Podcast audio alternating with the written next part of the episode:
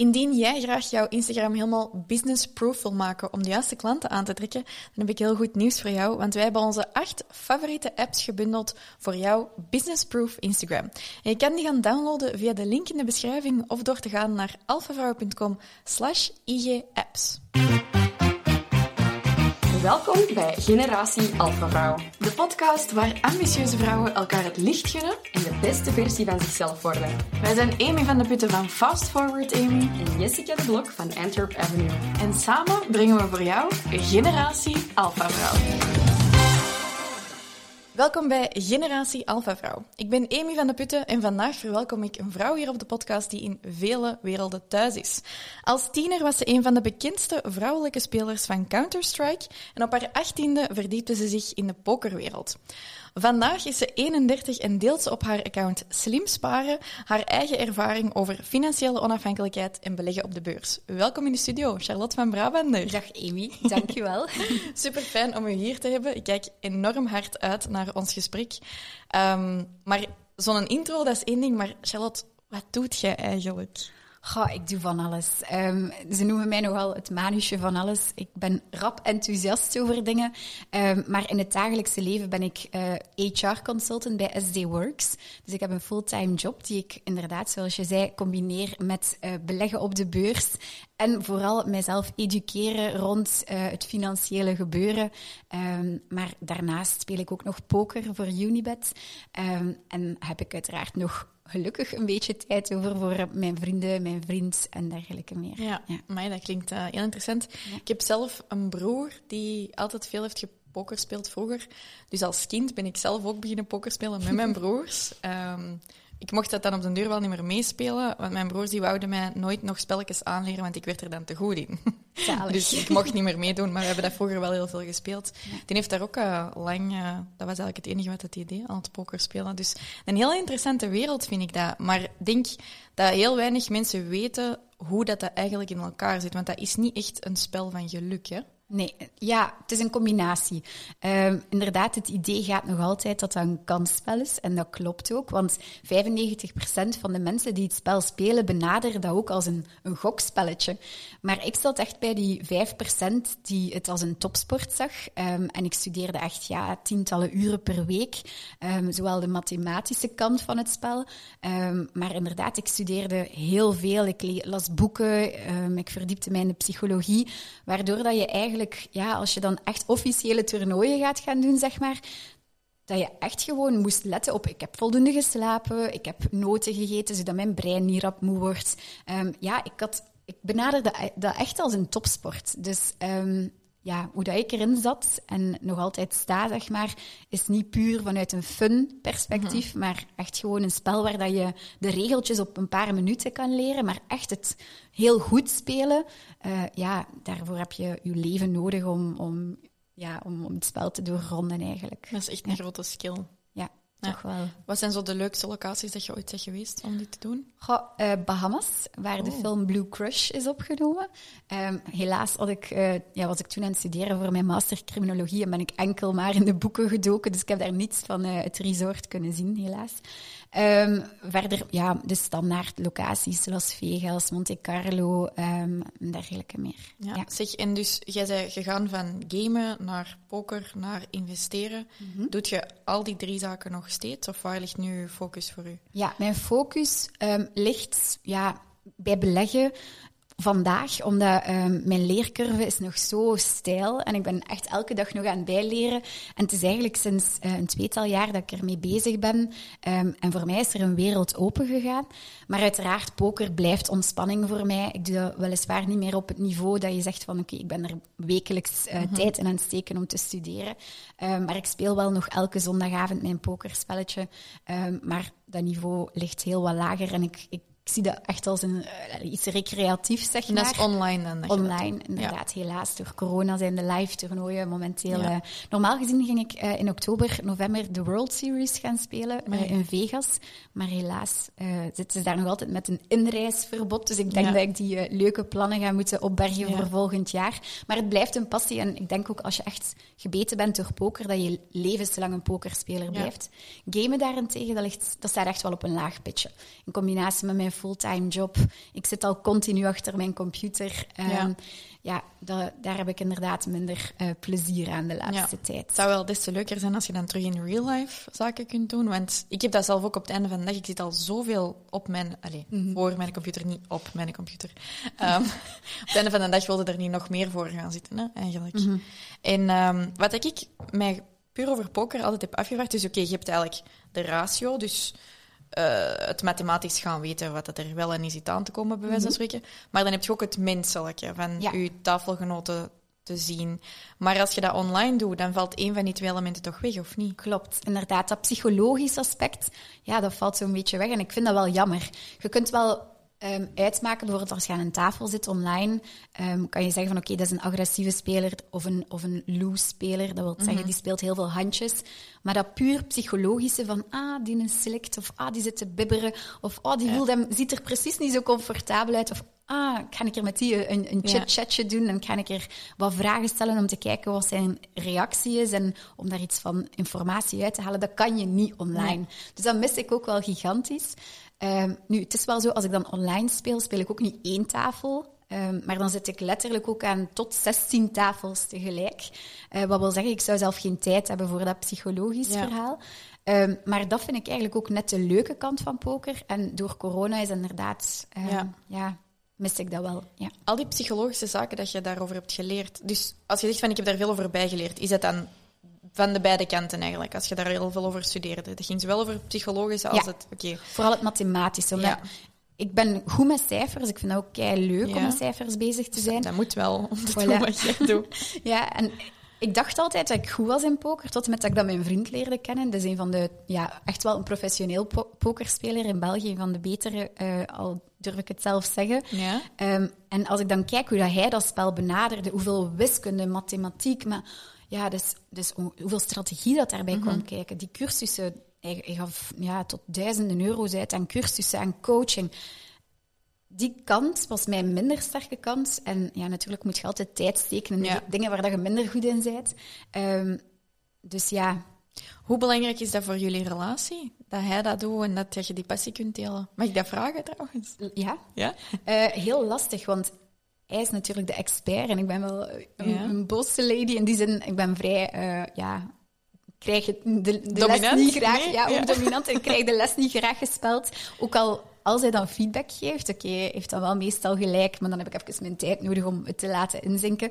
Het verschil zat er hem voornamelijk in, hij benadert het echt als zijn job. En, en voor mm -hmm. mij was dat vaak ook een moment van ontspanning. Ik ben een recreationele speler, terwijl hij alles heel ja, alles moest perfect ja. zijn. Dus eigenlijk op vlak van poker um, ja, zaten we echt ver uit elkaar. En praten ja. jullie er dan wel veel over of niet? Want hij heeft zoiets van, dat is mijn werk, ik wil er nu niet aan denken. Of wilt hij er altijd aan denken? Minder. We praten veel meer over de beurs en aandelen nog ja. vandaag en, en crypto.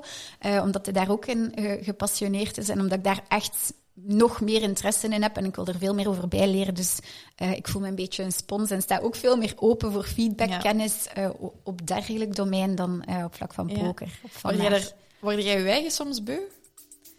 Hoe bedoel je? Als je zo wilt blijven bijleren en blijven groeien, is dat soms ook vermoeiend of niet? Bieboep, bieboep. Onderbreking. nee, even serieus. Ik ben hier inderdaad om even heel kort uw aflevering te onderbreken. Sorry daarvoor. Het gaat niet te lang duren. Maar uh, ik wou gewoon even zeggen dat de podcast is heel leuk, maar wist je ook dat wij elke week een nieuwe aflevering uitbrengen, maar dat wij bovenop die afleveringen ook heel veel gratis tips delen over social media? Als je momenteel zelf in een situatie zit dat je zegt, goh, ik raak nogal snel afgeleid, Um, ik weet soms niet meer zo goed naar welke kanalen ik wel en niet moet kijken. Wij zorgen er eigenlijk voor dat je aan de hand van onze nieuwsbrief elke week de beste tips en tricks krijgt, maar ook de nieuwste updates over de Generatie Alpha Vrouw podcast. Wilt je daar updates over? Vergeet u dan zeker niet te subscriben op de podcast. Klikt gewoon op follow of download of subscribe. Ik weet niet wat al die knoppen zijn. En dan krijg je automatisch elke week een melding van de nieuwe podcast. En als je gaat naar alphavrouwen.com slash nieuwsbrief en je schrijft u daarop in, krijg je ook elke week een nieuwsbrief aan met de nieuwste aflevering en de nieuwste tips, tricks en tools voor je socials. Nee, want het gebeurt niet vaak dat iets mij zo interessant lijkt dat ik wil blijven bijleren. Um, dus ja, ik laat, het, ik laat de flow gewoon gaan en ik geniet van, de, van die energie die ik heb. Want ik zou mezelf wel uh, als als ik mezelf zou kunnen omschrijven, zou ik mijzelf durven omschrijven als iemand vrij lui. In die zin dat ik altijd de meest efficiënte, de korte weg zoek. Ik ga nooit meer tijd in iets steken dan dat effectief nodig was. Op de universiteit had ik bijvoorbeeld ook allemaal 10, 11 en 12 en dat was voldoende. Um, maar bij, bij dingen die me echt triggeren en passioneren, zoals dat beleggen, ja, wil ik gewoon de beste worden. En bij poker zou ik zelf durven stellen dat ik die hoop al had opgegeven. En bij mhm. beleggen is dat wel nog het geval.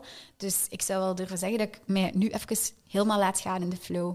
En dat is wel blij. Ja. Ik ken heel veel ondernemers, um, bijvoorbeeld mezelf, mm Jessica, veel mensen in mijn omgeving, die heel obsessief met zaken kunnen bezig zijn. Uh, heel mijn familie is ook zo, mijn broers zijn ook zo. Ja. Um, vroeger in de examens, dan, um, als mijn broers aan het studeren waren, dan hadden die altijd wel een obsessie. Mijn broer Matthew, die net aan één examenperiode dat hij Rubik's Cubes heel de tijd in elkaar zat te steken. Net dan kon op de zoveel seconden. Mhm. En een andere periode liepen die met van die BB-guns door het huis en zaten die elke break dat ze maar hadden op elkaar te. Mm Er was altijd zo een obsessie. En dat zit heel hard in mijn DNA, denk ik. En ik heb mij daar vaak zo aan slecht over gevoeld. Of zo'n mm beetje apologetic, want niet iedereen is zo. En dan niet je zo, oh, ik zal maar niet s'avonds nog terug dat ook gaan doen. Maar ik las onlangs een quote van over being obsessed with stuff, dat dat iets is dat je eigenlijk heel dankbaar voor moet mhm. zijn, want dat dat echt een gave is om iets zodanig, allez, iets je zodanig gepassioneerd te laten voelen dat je er all in in kunt gaan. Mhm. Dat heel veel mensen dat eigenlijk niet hebben.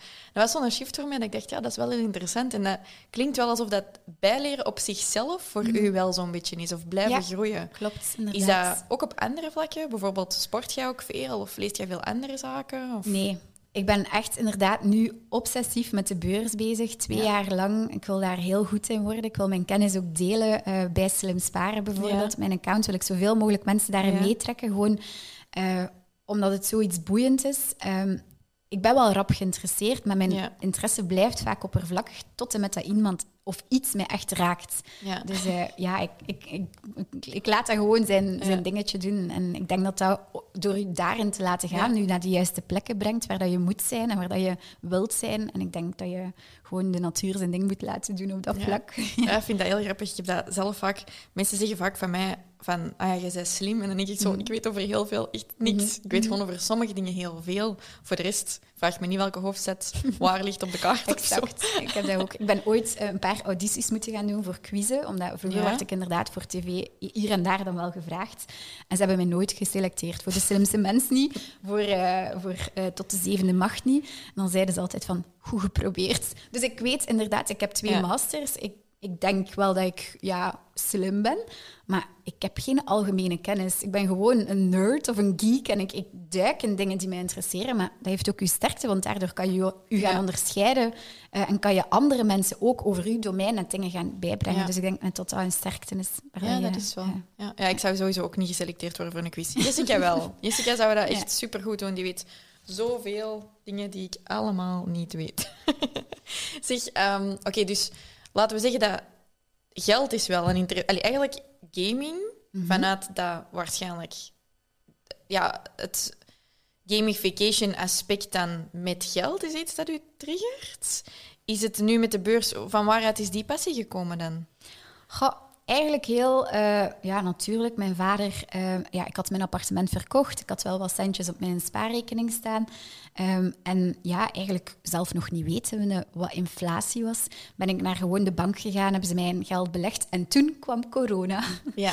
en toen, uh, ja, plots zag ik mijn aandelen. Dat was toch inderdaad wel een, een serieus spaarbedrag, echt met 30, 40 procent kelderen.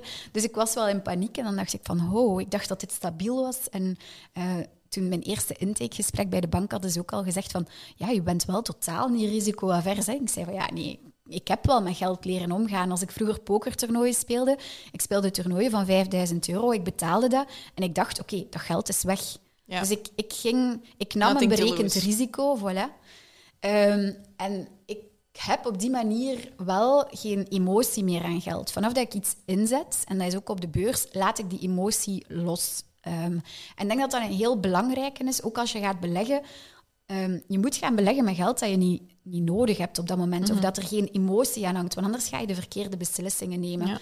Ehm, je moet eigenlijk echt abstractie daar, daarvan kunnen maken. En veel mensen gaan hun eigen waarde of, of wat dan ook gaan koppelen met geld. Dat is een beetje zoals met gewicht, hè? Ja, Ja. inderdaad. Ehm, gewicht en, ja, om, om het dan op een ander zijspoor spoor te brengen, gewicht en eh, gewicht, gezondheid en geld zijn eigenlijk twee variabelen in je leven, of je het nu wilt of niet, die doorkruisen je leven en gaan dingen gaan bepalen.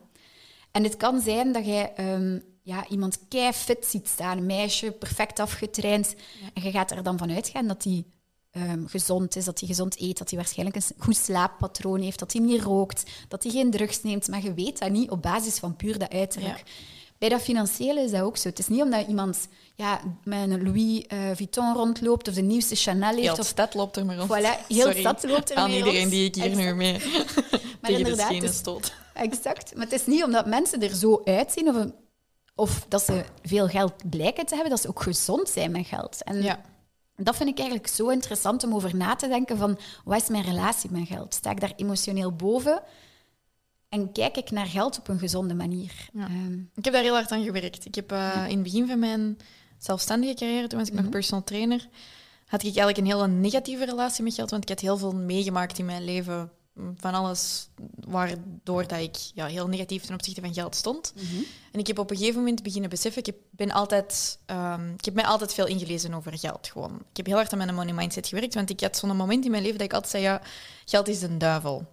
En ik heb op een gegeven moment beseft van, als ik dat blijf zeggen, ja, dan money isn't gonna like me back, eigenlijk. Dus ik ben dat toen beginnen veranderen. En wat ik denk dat daar nog een heel belangrijke shift in is, persoonlijk, en wat ik ook met mijn eh, coaches merk, is mensen willen vaak van negatief naar positief gaan in een relatie met geld. Maar je moet eerst naar neutraal gaan. Ik ben toen vooral dat beginnen veranderen, die self-talk rond geld. Ik had ook geen geld. Ik ben toen, ondanks het feit dat ik niet genoeg geld verdiende, ben ik toen zo goud en zilver en zo beginnen kopen. Zo gewoon zo op random momenten. Toen nog crypto, lang voordat het ehm, hip was, laten we zeggen. En een van de zaken die ik toen heb geleerd was om 1000 euro als buffer te hebben in een envelop te steken en dat echt in je slaapkamer te leggen. Ja. Maar ik had geen 1000 euro toen. Dus ik heb dat toen gewerkt, gewerkt. Oké, die 1000 euro in een envelop gestoken en dat in mijn kamer gelegd. En ik ben toen, vanuit geen geld te hebben, ook geen veiligheid te hebben, mijn eigen beginnen trainen op geld wel beginnen zien als iets dat abundant is. Dus van negatief naar neutraal naar positief gaan. Maar bij mijzelf, en ik heb ondertussen wel allee, het al heel goed gedaan financieel, dat is zo heel on-Belgisch om te zeggen, hè? Dat is heel ongemakkelijk, ja, vind ik. bent direct een dat doen. hè? Ja, ja, we Ja. gaan dat gewoon normaliseren. Daar dient dit voor. Heel goed gedaan. En wat ik heel hard herken in wat jij zegt, is... Ik bezie geld niet meer als iets. Ik bezie dat wel nog als energie. En ik bezie dat als iets dat je kunt laten ronddraaien, letterlijk. Ik bezie dat als... In. Harry Potter dat ze zo eh, gedachten uit je hoofd halen. Ja. Dat is zo'n blauwe strook. Zoals in uw stories, zo met dat lichtgevend stiftje. Maar in het goud. En ik bezie dat als... Dat draait eigenlijk rond, rond u. En je kunt daar zoveel van laten bewegen als je wilt. Maar what goes around comes back around, een beetje. Maar dat heb ik een tijd heel hard gehad. En dat is nu ook al wel wat weg, want ik bezie dat nu gewoon als een cijfer. Ik bezie Ja. dat niet meer als Klopt. iets dat mij waarde geeft. Een jaar geleden had ik dat nog wel. Had ik zoiets van, ik heb veel geld verdiend, dus ik ben waardig. Mhm. En nu heb ik daar genoeg veiligheid in kunnen creëren voor mezelf en ben ik daar eigenlijk... Emotioneel los Ja. van. En dan wordt het Ja. heel leuk, want dan kun je ook Klopt. altijd meer creëren. Dus ja, ik ben eigenlijk super trots op u. Hoe ver dat je daar al in staat. Maar heel veel, en dat is ook zo, heel veel, eh, denk ik ook jonge vrouwen, ja, we vergelijken elkaar continu via Instagram, via social media. We willen die nieuwste tas, we willen dit, we willen dat. Ehm, en we denken dat dat ons waarde gaat brengen. Maar dat is ook een beetje vanuit mijn minimalistisch perspectief, dat ik Ja. denk van, ho, creëer die waarde niet door dingen te gaan kopen. Ja. Ga niet meer altijd mee op die laatste modetrends. Maar kijk een keer naar geld als een manier, als uw vriend, om u naar uw doel te brengen. En probeer voor jezelf eerst sowieso een doelstelling te Ja. plaatsen. En wat dat die doelstelling ook mag zijn. Wilt jij een eigen dansschool openen? Wilt jij vroeger op pensioen? Wilt jij ehm, wat dan ook? Probeer Ja. een doel op de horizon te plaatsen. En dan kun je niet altijd denken, ah, ik moet hier sparen of ik moet hier minder Ja. geld uitgeven, maar kunnen denken, ik doe dit voor mijn doel dat daar op de horizon staat. Maar Ja. dat eigenlijk het sparen, het, het, ja, het creëren van geld een veel nobeler doel gaat geven Ja. dan dat je puur het idee hebt van ik wil rijk worden, want het is zo ongezond. Puur Ja. rijk worden, geld brengt ons niets behalve vrijheid, maar wat ga je met die vrijheid doen? Je kunt Ja. evengoed super rijk zijn en rijk sterven en dan heeft dat geld je niets bijgebracht. Probeer inderdaad met doelen te werken. En dat maakt het leven zoveel interessanter. Maar Ja. wat, dat- wat je daarnet zei, van, het blijft een taboe. Ik zelf ook, zelf in mijn familie, ik merk, als ik over geld praat, word ik gezien als de geldwolf of Ja. de, berene- de, beredeneer, de beredeneerde Charlotte. Ehm, en dat is jammer, want ik probeer echt gewoon vrij te zijn. Ik probeer een weg te zoeken naar vrijheid, zodat ik de dingen die ik graag doe meer kan doen en de dingen die ik niet graag kan doen gewoon kan uitbesteden. En het is zo jammer dat dat... Ja, geld is inderdaad een middel daarvoor, maar dat daar zo'n waardeperspectief aan vasthangt. En, eh, Ja, zo'n negatieve connotatie, zeker als vrouw. En dat is, ik vind dat heel ambetant, want ik ben niet zo, ik ben totaal niet mannenhatend, whatever. Mhm. Maar ik vind wel, eh, er is dat verhaal van uh, de boek Lean In van Sheryl Sandberg. Je hebt een verhaal dat wordt geschreven over ehm, Henry en Henry doet iets in een bedrijf en Mhm. dit en dat. En heel dat verhaal wordt geschreven met een, een, vanuit een mannenperspectief, dat hij een man is. Ze vragen aan mensen, oh, hoe zouden die je beschrijven? Ah, als een goede leider, ehm, als streng maar rechtvaardig en Ja. dit en dat. Datzelfde verhaal wordt geschreven met Henrietta als naam. En die vrouw wordt bestempeld als bazig Mhm. en een bitch en al die zaken. En ook bij geld is die connotatie die ook vanuit onszelf als vrouwen komt. Hè. We hebben Klopt. allemaal die een bias. Er nog, als ik over geld praat en succesvol zijn en letterlijk een miljonair geworden te zijn op mijn 27, Mhm. dan is dat, dat is echt not done. En dat is zo van... Ik heb twee jaar geleden ooit gehoord van... Zo ga je nooit een man en kinderen vinden. Mhm. Als je zo praat, dan denk ik... Dat zegt nooit iemand tegen een man. Mhm. Mensen vragen aan mij continu... Vindt uw vriend het niet erg dat jij meer verdient? Mhm. En dan stel ik de vraag terug... Heeft iemand dat ooit al eens aan een man gevraagd? Vind jij, nee, vindt uw vrouw het niet erg dat jij meer verdient? Dat is toch absurd? Inderdaad. Maar dat klopt, exact. En er wordt wel geaccepteerd dat we eh, wekelijks naar de fitness zouden gaan. Dat we aan die allee, de gezondheid gewoon werken. Maar aan die financiële gezondheid kunnen we niet werken. Ah, En financiële dat is zo gezondheid, dat is zo'n jammer. goed woord. Ja, Ja. dat is zo jammer. Maar inderdaad, heel mooi. En ik vind dat, om een voorbeeld vanuit mijn verhaal te brengen, ik probeer eigenlijk eh, dat minimalisme te gaan preachen, dat mensen beseffen van, oh nee, ik ga die Chanel niet kopen, maar ik ga Ja. die 5000 euro op de beurs breng- zetten, want die 5000 euro gaat voor mij beginnen werken en ik ga daar keiveel geld uit verdienen Ja. op termijn. Eh, en ik krijg vaak de, de opmerking van, ja, maar waarom loopt je dan met een Yves Saint Laurent eh, Because you can. ja, of waarom, waarom heb je dan eh die jaarschoentjes aan op je Ja. Instagram? Dat is niet minimalistisch. En dat ben ik ook, daar ben ik ook niet van overtuigd. Je moet Ja. alles doen in balans. En je moogt wel geld uitgeven aan dingen die je waarde brengen of die je gelukkig maken. Mhm. En ik wil niet zeggen dat mensen niet meer mogen shoppen, maar wees gewoon bewust als je shopt en stel jezelf de vraag van, is het mij waard om nu Ja. ik zeg maar 5000 euro aan die Chanel uit te geven? Ja. Of ga ik eerder voor dat verhaal dat ik 5000 euro jaar na jaar op de beurs laat opbrengen Ja. en dat ik daarmee kan compounden, ga Ja. zo meteen uitleggen, denk ik, naar die 100.000 euro. Dus die bewuste keuzes vind ik zo belangrijk. En daar gaan we gewoon als mens te snel over. Ja. Ehm, Ja, en dat Ja. zijn al grote voorbeelden. We gaan direct eens even kijken naar hoe dat we dat een beetje Ja. op startersniveau Voilà. eh, kunnen brengen. Wat ik mij wel afvraag is, als we het er zo over hebben, jij zei daar redelijk rationeel in, maar heb jij ook die energetische blik op geld? Of zeg jij gewoon van... Allee, zit jij daarmee bezig, met zo aantrekkingskracht en manifesteren zo van die zaken? Want dat is wel meer Ja. en meer hip aan het worden. Ja. Dus, Wat ik vooral, ehm, energetisch zie ik het niet echt, want ik ben een vrij wetenschappelijk persoon. Ja. Maar wat ik wel merk is, ehm, je moet vooral je doelstelling heel hoog zetten. En hoe hoger dat je hem zet, hoe makkelijker dat je erbij komt. En ehm, ja, dat merk ik wel in alles wat ik doe. Ik, ik, ik zet mijn punt op de horizon echt heel vrij ver. En ik ja, ik bepaal mijn dus, tussendoelstellingen. Ehm, maar ik probeer gewoon groot te dromen en, ja, en effectief. En dat is het mooie. Als je gaat beleggen, dan kan je ook groot dromen. Want eh, die samengestelde interest, die eigenlijk in je voordeel werkt, die doet onmenselijke dingen. Ehm, Ja. Ik had er net een afspraak met iemand en ik, eh, ik vroeg of hij samengestelde interest kende. Eh, en ik zei dat dat iets is wat ons menselijk brein niet kan vatten. En eh, dat is ook zo, exponentiële groei. Kijk bijvoorbeeld Ja. naar de coronacijfers die gigantisch snel groeiden. ja. Dat is iets wat ons menselijk brein niet kan vatten. En als ik u nu vraag, dat blad papier, A4 hier op tafel, plooi dat, ehm, als je dat 42 keer dubbel plooit, dus gewoon dubbel plooien, dat gaat 42 keer, dat gaat, fysisch gaat dat inderdaad niet. Eh, maar stel dat het wel kan, je gaat Ja. het gewoon knippen en je gaat het dus gaan Ja. dubbelplooien. Welke afstand bereik je? Of hoe hoog gaat dat torentje papier hier zijn? Ik weet het niet. Wel, je moet maar een keer op YouTube verder onderzoek doen. Maar dat torentje papier gaat letterlijk van hier tot aan de maan. Ja. Amazing. Ja, en dat is iets wat ons menselijk brein niet kan uh, vatten. En Ja. eigenlijk, die exponentiële groei kan je ook waarmaken door te gaan beleggen. Want eh, stel nu, ik ga het eenvoudig houden, stel dat je bijvoorbeeld 100 euro gaat beleggen. eh, ja, pak nu een gemiddeld rendement van 10%, eh, wat al vrij hoog is, maar normaal Ja, kan je hè? tussen de 8 en 10% ehm, bereiken als je een index Mhm. volgt of dergelijke.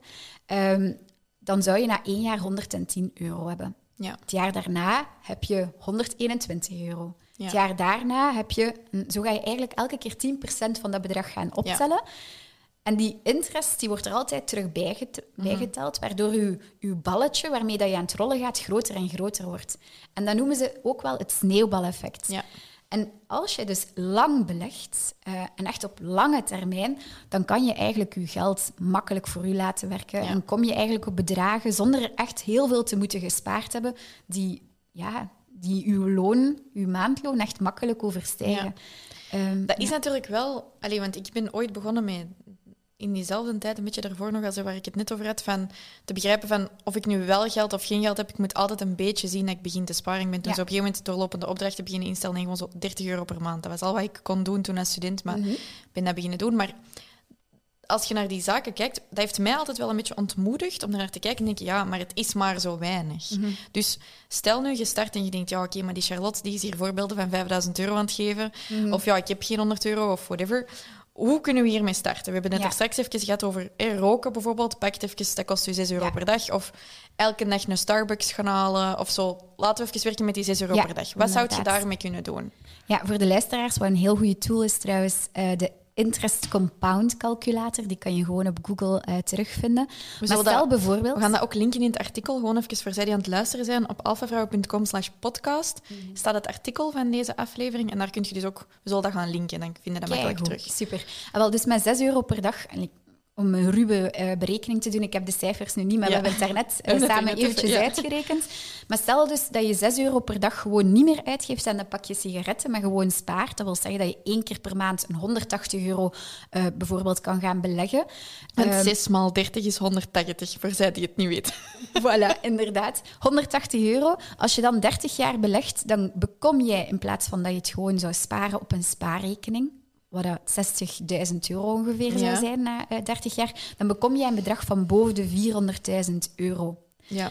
Dus Dus Charlotte, ik ga de opname moeten stopzetten. Ik ga moeten gaan beleggen. ja, maar dat is.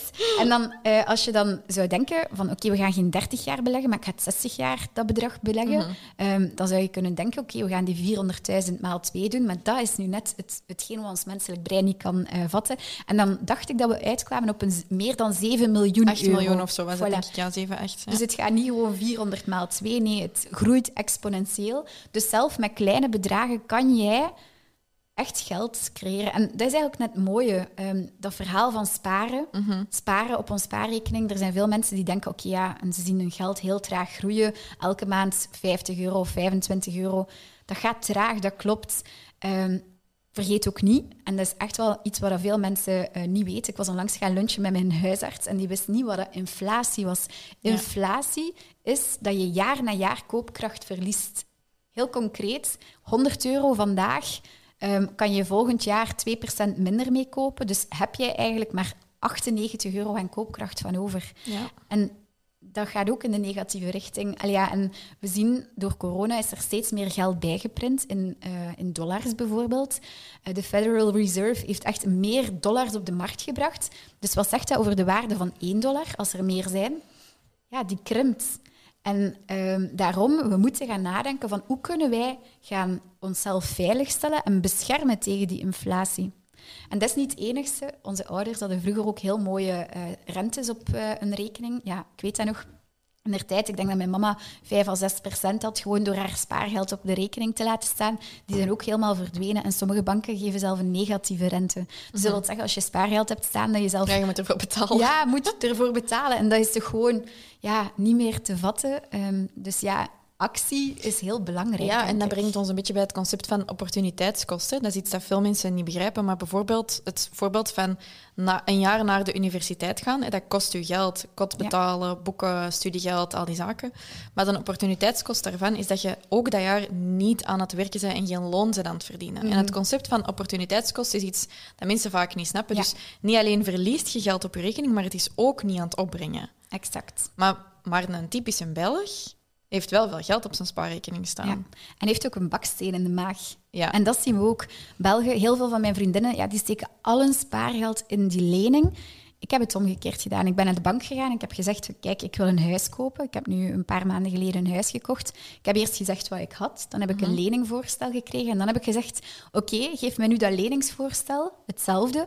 En zorg ervoor dat ik zoveel mogelijk kan lenen. Zodat ik al dat ander geld kan beleggen. Ja. En die, waren, die zijn daar volledig in meegegaan. Die hebben we heb eigenlijk... jij dat goed aangepakt. Ja, en ik denk inderdaad dat het belangrijk is om ehm, ervoor te zorgen dat je inderdaad niet alles probeert in een lening te steken, maar inderdaad dat je ook nadenkt. Geld is niet statisch. Geld kan echt geld voor jou gaan maken en kan ook gaan werken. En het is daarom ook dat ze zeggen, rijken worden rijker ehm, en veel Ja. sneller dan dat we denken. Ik denk ook dat het daar belangrijk is om je te omringen met de juiste mensen. Ja. En wat ik, is, zoals uw account is, slim sparen, daar staan tips op. Ehm, dingen rond money mindset, mijn account was voor het Amy, tips op alpha vrouwen, even alles Ja, name droppen. Wat ik was aan het denken terwijl je dat zei is, het is ook wel typisch zo dat je je moet omringen met de juiste mensen. En eh, geldadvies moet aannemen van mensen dat dat hebben bereikt. Maar er is een grote maar aan. Want je hebt misschien je schoonvader dat het goed heeft gedaan, dat goed heeft geboord. Die heeft misschien eh, een verzekeringsmaatschappij of whatever, en die heeft het goed gedaan. Maar die zijn wel kunnen starten in een andere tijd dan dat wij zijn aan het starten. Dus Exact. hun wil is ook niet wit. En ik denk wel dat dat heel belangrijk is voor mensen van onze leeftijd, alleen van alle leeftijden, om zich daar echt goed in te laten ondersteunen. Want wat uw, tante doet, is niet per se wat jij nu moet doen. Maar dat is wel zo, heel zo typisch iets dat mensen zeggen, my way or the highway. Dus ja, waar moet je dan gaan inlezen? Hoe zet jij eraan begonnen zelf? Voilà. Bij mij thuis werd er nooit over geld gepraat. Geld was een taboe. Als ik vroeg aan mijn mama, hoeveel verdient jij? Of hoeveel geld hebben jullie op jullie spaarrekening? Nee, dat ga je wel zien als, als wij ooit sterven. Dat geeft geen... Allee, ja, ik, ik vond dat vers- verschrikkelijk. En daarom werd ik ook in de familie gezien als zeg maar, iemand die te veel bezig was met geld en er altijd over wou praten. Maar ik vond het gewoon een interessant concept. Ja. En- Ja, ik juist hetzelfde. Ik ben altijd net hetzelfde geweest. Ik was altijd bezig met geld. Ja. Voilà. En, en dat is zo jammer, want ik vind het, ik vind het zo... een- Ja, het heeft zo'n belangrijke rol in ons leven. We kunnen er zoveel mee doen. Ehm, en ik wil niet per se rijk zijn. Ja, wat, dat brengt op een, ons op een ander spoor. Je wilt dat niet? Of... Ja, het, het, wil, dat is niet mijn doel. Mijn doel Nee. is financieel vrij zijn. Ja. En een gezonde relatie hebben met En wat wil dat zeggen, financieel vrij? Kunnen doen wat ik wil. Oké. En wat dat is, dat gaat jaar na jaar veranderen. Ja. Nu, in ieder geval, ehm, de vraag is van hoe ben ik daarin gerold? Eigenlijk, mijn vriend is daar een heel goed voorbeeld voor mij in geweest. Want ik weet nog, ehm, twee jaar geleden, dus voor ik begon te beleggen, ik wou een huis kopen. Ik had spaargeld eh, op, de, op de beurs staan via mijn bank. Toen nog, want nu doe ik alles zelf. Ehm, en die zei van, waarom zou je een huis kopen? Ik zeg, ja, dat geeft mij veiligheid, stabiliteit. Ja. Ja, oké, maar dat brengt maar misschien 5% per jaar op. En een huis is geen asset. Een asset is iets waar, waar je geld in steekt dat ook geld kan terug gaan verdienen voor jou of in waarde kan groeien. Een huis gaat inderdaad 5% groeien, maar je gaat daar ook je kosten in hebben. Je gaat daar eh, ja, miserie eh, mee kennen. Ja. Als je het wilt verhuren. Oké, verhuren is dan nog iets anders. Dus wat... En hij zei van, ik wil geen huis kopen, ik wil liever gaan huren. En ik zei van, ja, maar nee, huren, dat is gewoon geld in de vuilbak smijten en ik voel me daar niet goed bij. En zo is die bal eigenlijk aan het rollen gegaan en ben ik inderdaad anders naar geld gaan kijken en heb ik beseft van, oké, waarom zou ik al mijn geld in een huis steken dat vast is en dan levenslang blijven werken en al mijn geld eh, in een afbetaling eh, doorsluizen?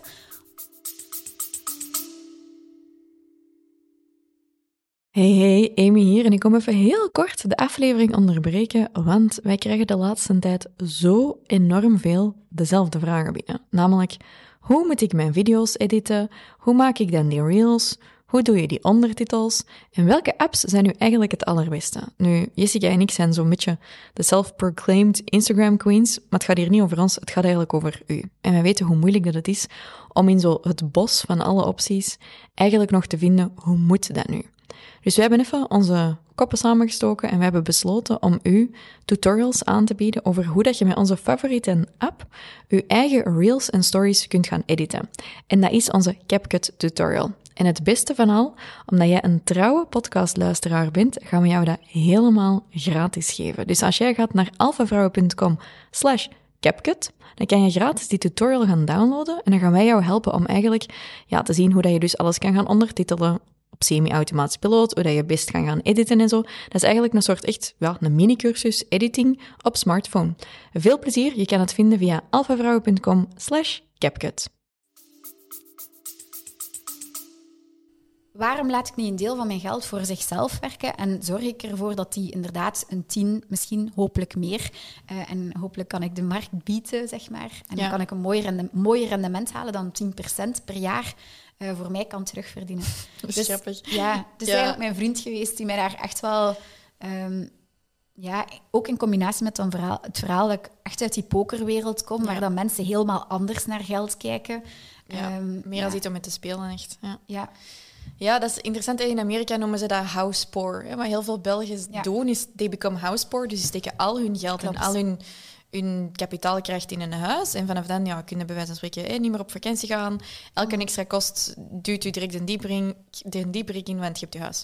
Also, ik hoop dat niemand me begint te haten nu op de podcast, dat we deze er zo zijn aan het indrammen. Maar daarom ja. doen we deze, hè, om even taboe ja. te doorbreken. Dus mm -hmm. house poor.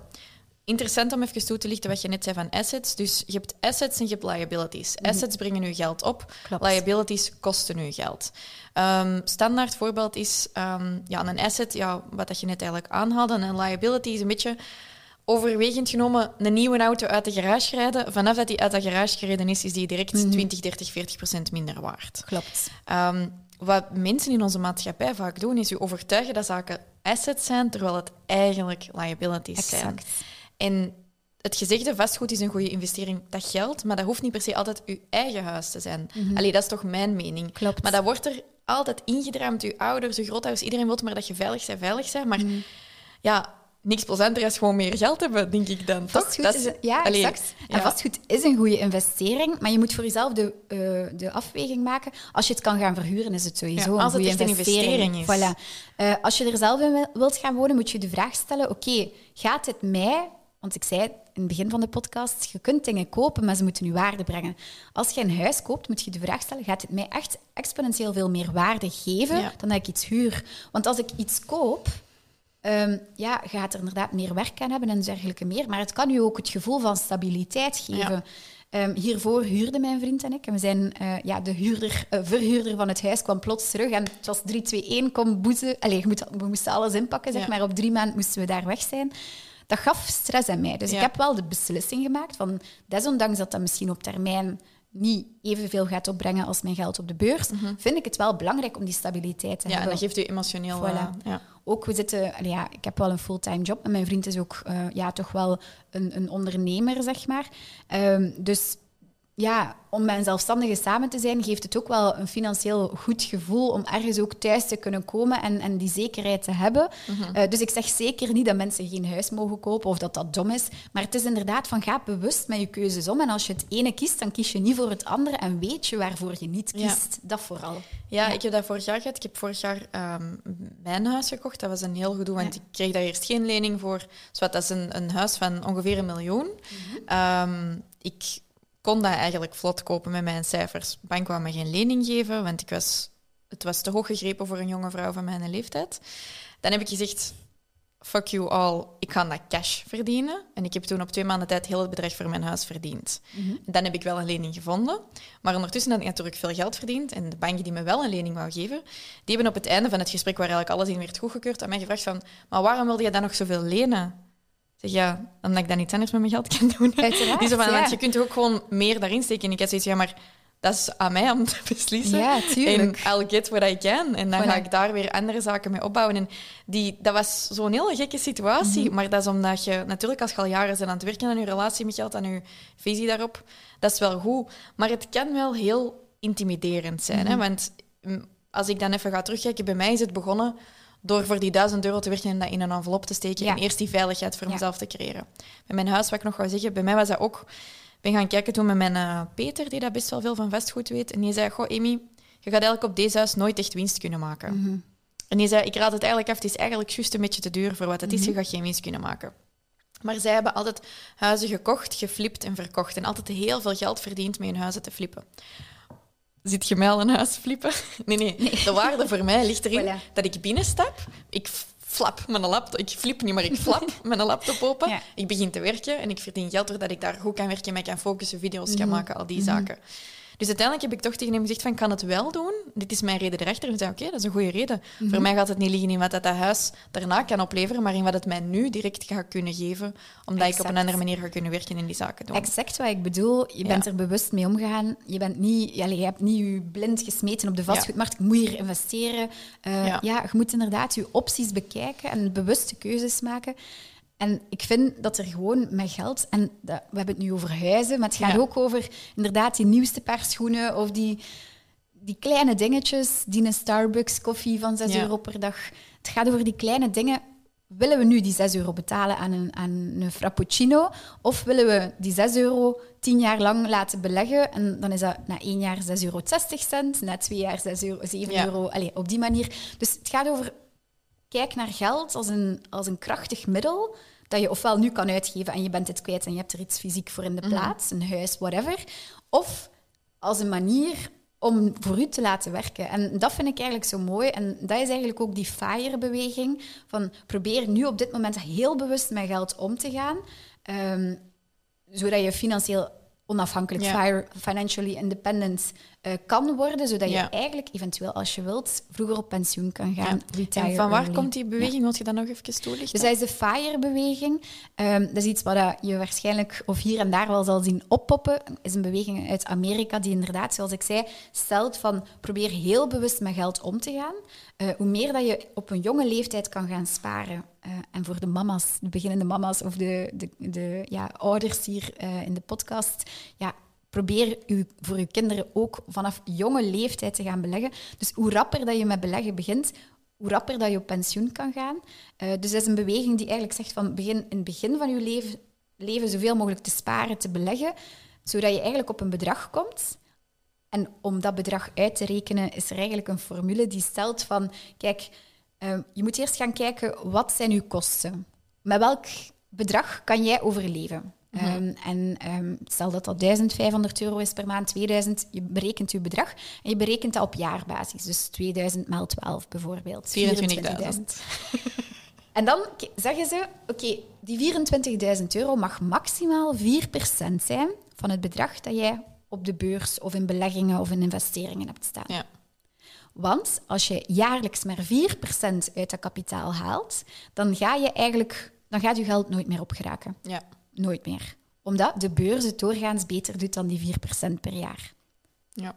Dus dat is het idee van de FIRE-beweging. Dus ik probeer nu echt te grinden, grinden. Eh, dat is ook een pokerterm trouwens. Te grinden naar inderdaad die, eh, die, ja, het bedrag dat ik nodig heb om eh, met 4% te kunnen Ja. te komen. Dat is leuk, ik, want ik vind dat... Ik heb zelf een beetje zo een, een, een anti-gevoel bij heel de hustle really hard and become a millionaire by 30 eh, verhaal, omdat dat vaak zo wat impliceert dat zo van heel veel ondernemers zo van... En dan valt je dood van een hartaanval tegen dat je 30 bent en je hebt eigenlijk nooit iets aan je leven gehad. Ik probeer echt wel te genieten van mijn leven. Ehm, ondertussen, mijn, ondertussen heb ik mijn doelen eigenlijk ook gehaald, dus nieuwe doelen aan het stellen en zo. Maar deze is op een andere manier. Dat is van... Zie dat je er vooral heel slim mee omgaat. Dat wil niet per se zeggen, val dood van zo hard te werken. Nee, maar gewoon heel slim daarmee omgaan. Voilà. Het is net de Slim. bedoeling. Dat is eigenlijk ook een beetje zoals uw account, slim sparen. Slim sparen, inderdaad. En veel mensen zeggen, ja, we willen het niet, niet sparen.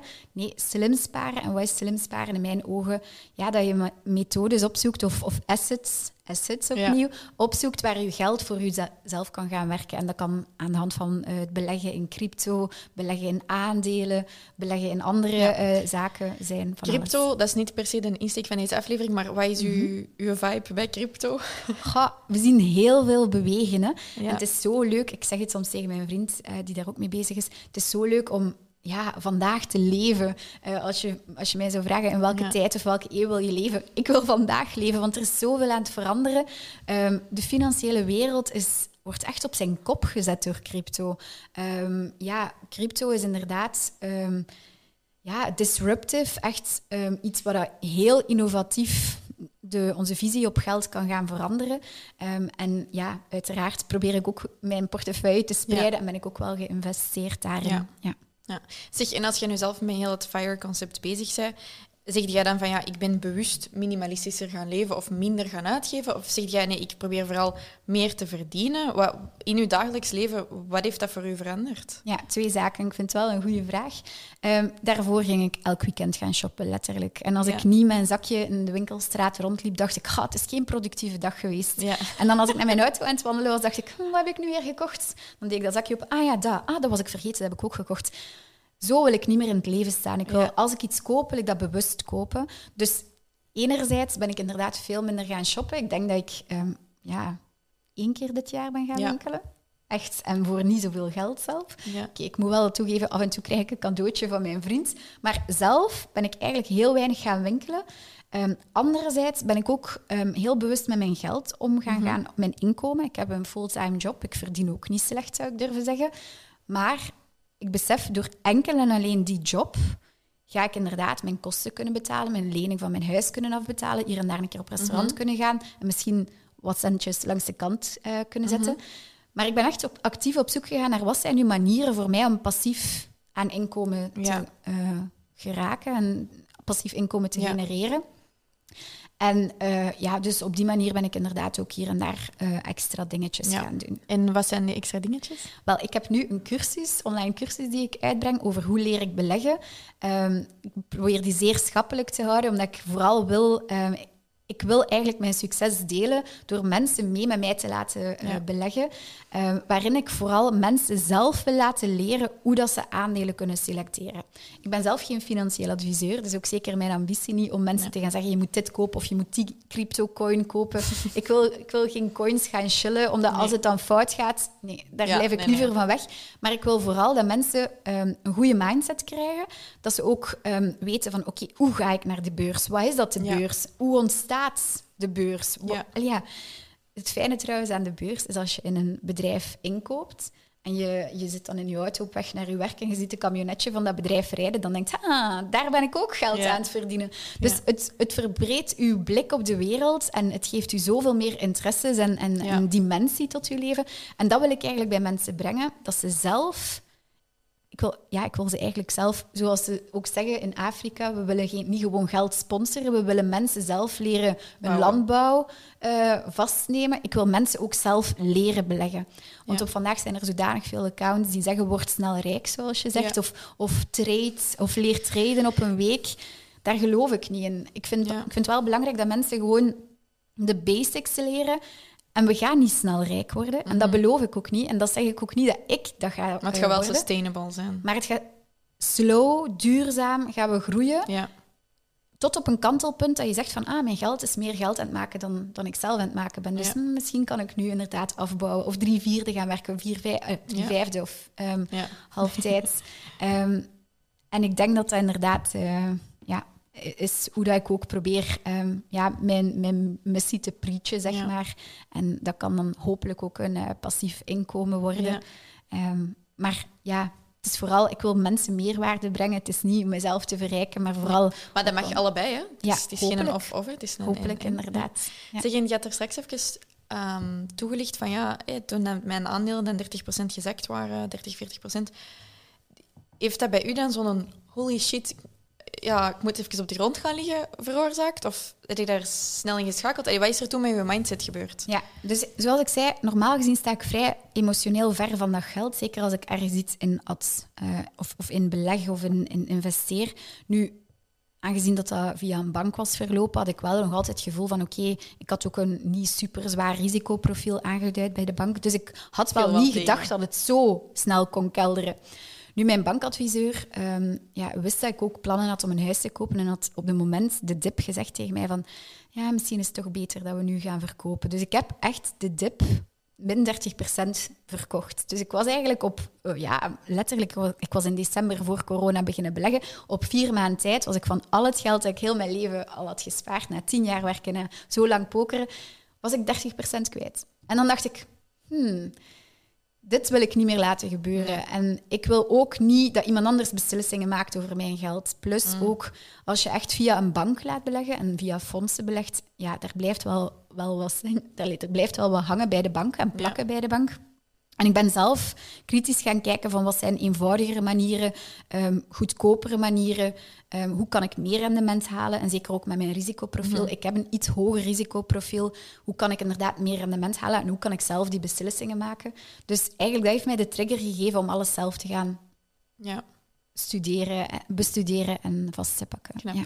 Dat is echt wel iets dat terugkomt bij alle alpha-vrouwen die we mogen interviewen, is die resilience, die veerkracht. Oké, er gebeurt iets slechts. Hoe ga ik dat nu gebruiken om daar Ja. meer mee te doen? Inderdaad. Dat is heel inspirerend. Ik hoop ook ehm, ja, dat dat anderen inspireert vandaag om ermee te beginnen. Ehm, en ik weet niet, is er nog iets dat jij wilt toevoegen? Iets dat we nog niet hebben besproken misschien? Ja, vooral eh, voor je eigen, voor je begint met te beleggen. Ehm, het kan lijken alsof je eerst alle informatie nodig hebt alvorens je begint. Maar ik zeg, begin er gewoon aan. Op die manier heb je een beetje skin in the game. En dan gaat je interesse automatisch opbouwen. Ehm, Ja. Want als we nu zeggen van oké, we gaan dat misschien volgend jaar of, of binnen een paar jaar doen, dan gaat dat misschien out of sight eh, gaan. Terwijl je eigenlijk op dit moment al rustig geld kan aan het verdienen zijn. Ja. Dus probeer niet te lang te wachten als je wilt beginnen investeren om te beleggen. Ehm, ik kan jullie zeker helpen via mijn account Slim Sparen om, om gewoon die basisstap te zetten. En dan eh, gaandeweg ga je leren, er gaat een wereld voor je open Ja. gaan. En eh, ja, vooral denk na welk risico wil je nemen. Ehm, want niemand wil het geld verliezen, Ja. want geld verliezen kost veel meer en Pijn. doet veel meer pijn. Dan ik heb het al gevoeld geld. Ja, ja, dan dat je wint. Ehm, dus wees bewust eh, en probeer, u, probeer inderdaad een gezonde relatie met geld op te bouwen. Ehm, maar ja, Ja, voor, ja, voor zij die het interesseert, hè, er is een ehm the fear of loss. Dat wil eigenlijk Ja. zeggen, 100 euro verliezen doet veel meer pijn dan het plezier van 100 euro te winnen. Klopt. Psychologie 101, heb ik geleerd in mijn eerste jaar UNIF. dat is zo. Ehm, dat voelen wij heel hard als risico-averse Belgen, laten we dat wel even zeggen. Hopelijk komt deze podcast ook in Nederland, maar je weet het nooit. Ik was er net zelf nog aan iets aan denken dat ik denk, dat is toch ook wel interessant. Ik heb ooit een boek, eh, The Richest Man in Babylon, gelezen. Het is een hele simpel boek. Dat is eigenlijk gewoon een soort verhaal van in Babylon. Dat gaat eigenlijk over, hè, als je 10% van je inkomen wegneemt, dan merk je eigenlijk niet. Want ik kan me inbeelden dat zo de tegenwerping die nu komt als mensen luisteren is van maar ik kan daar nog niet mee beginnen. Ik Ja. zal dat volgende maand doen. En op dat vlak zou ik toch zeggen, je kunt ook met 90% wat dat je met 100% deed. Ja. Als je die 10% gewoon al wegsluist, hè, berekend is... eh, Pas op, wij zijn geen financieel adviseurs, hè, dus je doet ermee wat je zelf wilt. Ehm, als je 10% nu standaard even berekent op je inkomen, je sluist dat weg naar een andere rekening en daar gaat je dan mee beleggen of je automatiseert alles. Uh, dat kan al heel veel doen. En je kunt ook met die 90% leven. Dus zo echt gewoon beginnen, ik denk wel dat dat echt the way to go is. Ik zeg altijd, als uw loon gestort wordt, pay yourself first. En Absoluut. inderdaad, sluis 10% inderdaad door naar uw, naar uw broker of naar uw beleggersaccount. En doe dan pas uw betalingen, als dat lukt natuurlijk. Ja. Ehm, en inderdaad, het schuilt in de kleine dingen. Een Starbucks koffie, eh, een koffietje, ehm, ja, whatever. Er, er valt altijd wel iets te besparen. Ehm, Ja, en er zijn ook heel veel financiële mensen die dat dan zeggen van je moet niet per se minder gaan uitgeven, je moet vooral zien dat je meer verdient en zo. En ik denk dat dat ook de go-to is als ondernemer. Dat heb ik zelf ook heel lang gedaan. Maar ik ben nu op het punt dat ik zelf mijn financiën van mijn zaak wil wegtrekken. Dat ik zie mijn financiën zijn iets van mij persoonlijk en de rest is echt de vennootschap. En dat is ook belangrijk, vind ik dan voor alle ondernemers, eh, want ik ben ook veel met geld en alles er rond bezig is. Zie dat je niet altijd al je geld in je zaak laat zitten. Want een boekhouder gaat dat heel vaak zeggen, hou het allemaal in de zaak en dit en dat. Maar zie dat je privé ook iets begint op te bouwen, want het sukt als je dat niet hebt gedaan. Daar moet ik me inderdaad nog in verdiepen, want ik ga nu ook een vennootschap oprichten Ja. voor slim sparen. En inderdaad, dan zeggen ze, oké, als je een bepaalde VOF of dergelijke opricht, moet je je geld drie jaar laten staan. Ja. Maar hoe haalt je het er sneller uit? Want je verliest wel drie jaar in rendement. Auteursrechten.